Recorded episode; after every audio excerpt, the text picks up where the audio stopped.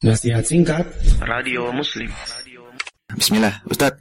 Kalau mahar nikah kita berupa mukena ataupun mahar kitab suci Al-Quran itu bagaimana Ustadz? Apakah sah Ustadz? Mohon jawabannya Ustadz.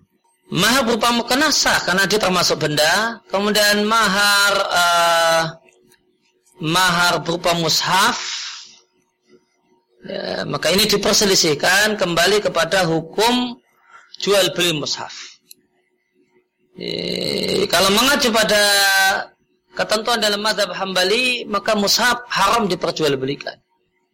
Sehingga tidak boleh jadikan sebagai mahar. E, meskipun menurut pendapat yang paling kuat, e, jual beli mushaf itu boleh.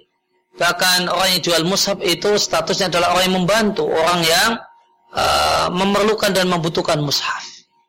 Namun menimbang bahasanya ini satu uh, satu hal yang diperselisihkan ulama boleh tidaknya jual beli mushaf sehingga nanti bisa berdampak pada bisa boleh dan tidaknya ini jadikan sebagai uh, ya bisa kemudian dikhawatirkan punya dampak pada bisa tidak itu jadikan sebagai mahar.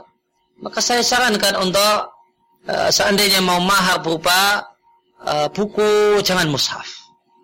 Yeah, jangan mushaf Ya bisa buku tafsir Quran, tafsir Nukathir misalnya atau tafsir Sa'adi atau yang lainnya kalau mau Quran tafsir atau minimal Quran terjemah, bukan mushaf.